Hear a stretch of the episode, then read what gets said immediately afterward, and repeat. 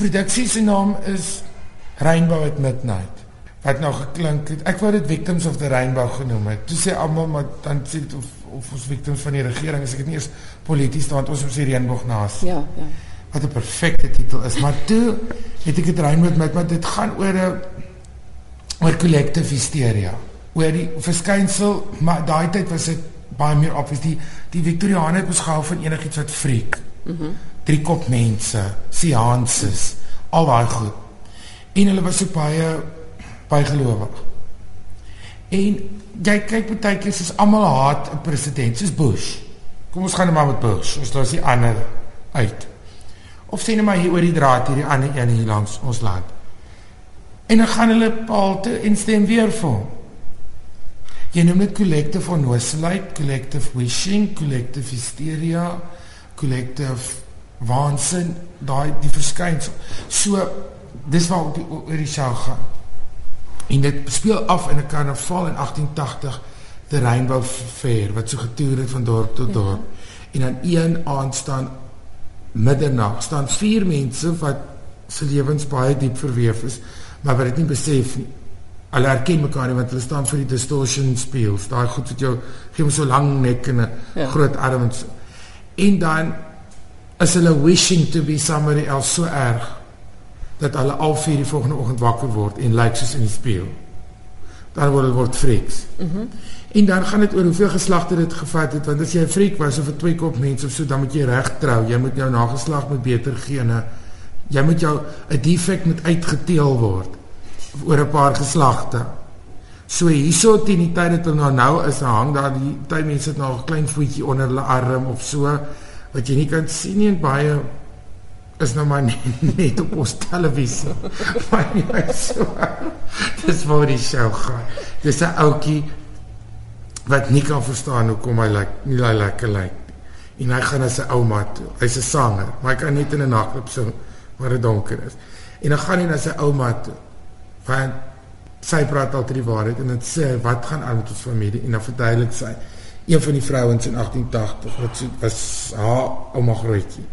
En die show is wat toe gebeur het na daai nag. Soos baie nas Corlias in die show en ehm um, weer Charles the Trio en John Oosters in die gitaar en dan Bradley Dreyer die akrobaat, Nicholas Swart, ehm um, Santonia Selly sang, Lindiwe Bongani sang. Groot cast, groot sets.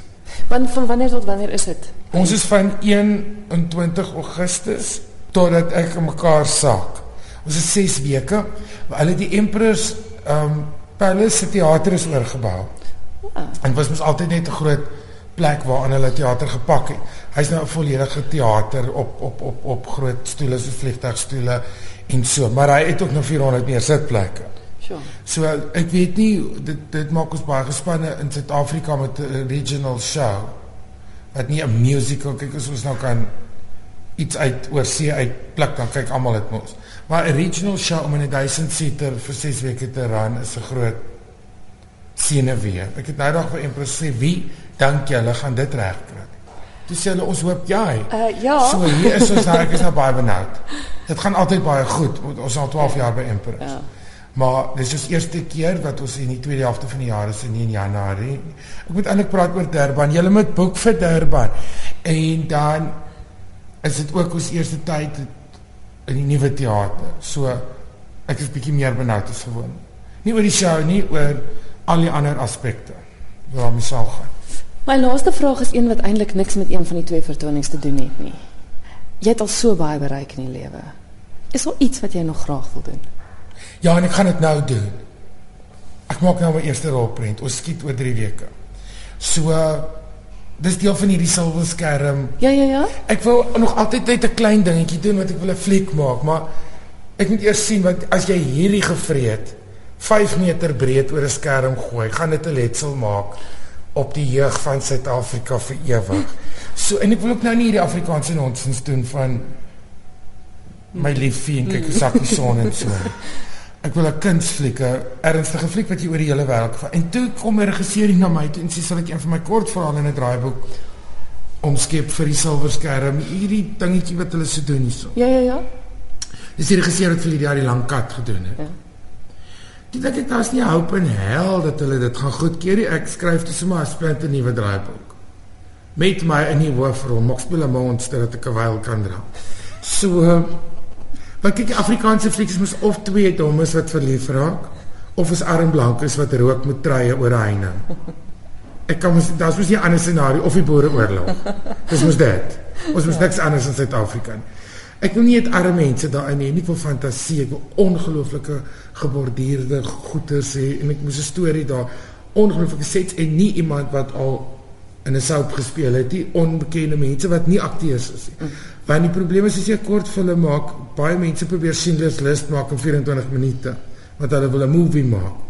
So hierdie is nou 'n kans om te sien hoe gaan dit werk? Gaan ek dit haat? want ek dink dit is 'n baie langdradige proses. Ek is mos in 'n uit. Verstaan jy, soos 'n desperant. Dit is net vinnig. Ek gaan teater toe, verf my gesig, vra vir die mense watter kant is voor, stap dan op, kry my geld gehuis toe. So 'n fliek vir hulle begin ons 3 jaar voor die tyd. Ek weet jy vir krag het hier voor. Hulle beter fantastiese caterers sê onder daai bome.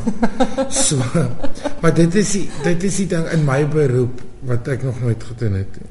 Wat ek nou gaan doen. Ek het net agterkom, kyk ek is nie gemaak omdat ek nie mooi is van die kant af nie. En ek het nie 'n live 'n kamera nie. Niemand het nog vir verstaan baie mense gooi op, maar ek dink niemand is nog dood na die TV reeks nie. So as hulle dit kan vat, dan hulle maar fliek ook kan vat. So dit is wat ek nou doen, wat vir my exciting is. Die produksie se naam is Rainbow at Midnight wat nou geklink het. Ek wou dit Victims of the Rainbow genoem het. Toe sê almal maar dan sê dit of of ons victims van die regering is ek het nie eens polities want ons is die reënboog naas. Ja, ja. Wat 'n perfekte titel is, maar toe het ek dit rein met maar dit gaan oor 'n oor collective hysteria. Oor die verskynsel, maar daai tyd was dit baie meer obvious die die Victoriane het ons gehou van enigiets wat freak. Mhm. Mm drie kop mense, seances, al daai goed. En hulle was so baie bygelowig. En jy kyk baie keer soos almal haat 'n president, soos Bush. Kom ons gaan net maar met Bush. Ons los die ander uit. Of sien net maar hier oor die draad hierdie ander een hier langs ons land. En dan gaan hulle paal te en stem weer vir hom. Jy noem dit collective onnoosheid, collective wishing, collective hysteria, collective waansin, daai die verskynsel. So dis waar op die oor die show gaan. En dit speel af in 'n karnaval in 1880, the Rainbow Fair wat so getoer het van dorp tot dorp. Ja. En dan een aand staan middernag staan vier mense wat se lewens baie diep verweef is, maar wat dit nie besef nie. Hulle herken mekaar nie want hulle staan vir die distortion speels. Daai goed wat jou gee hom so lank nek en 'n ja. groot arms. En dan is hulle wishing to be somebody else so erg dat hulle al vier die volgende oggend wakker word en lyk soos in die spieël. Dan word hulle word freaks. Mhm. Mm en dan gaan dit oor hoeveel geslagte dit gevat het want as jy 'n freak was of 'n twee kop mens of so dan moet jy reg trou. Jy moet jou nageslag met beter gene. Jy moet jou 'n defek moet uitgeteel word oor 'n paar geslagte. So hierso teen die tyd dat hulle nou nou is, hang daar die baie mense het nou 'n klein voetjie onder hulle arm of so wat jy nie kan sien nie en baie is nou maar net, net op ons televisie. Maar jy so. Dis waar die show gaan. Dis 'n ouetjie wat nie kan verstaan hoekom hy lyk nie hy lekker lyk. En hy gaan na sy ouma toe. Hy's 'n sanger, maar hy kan net in 'n nagklub sing waar dit donker is. En dan gaan hy na sy ouma toe.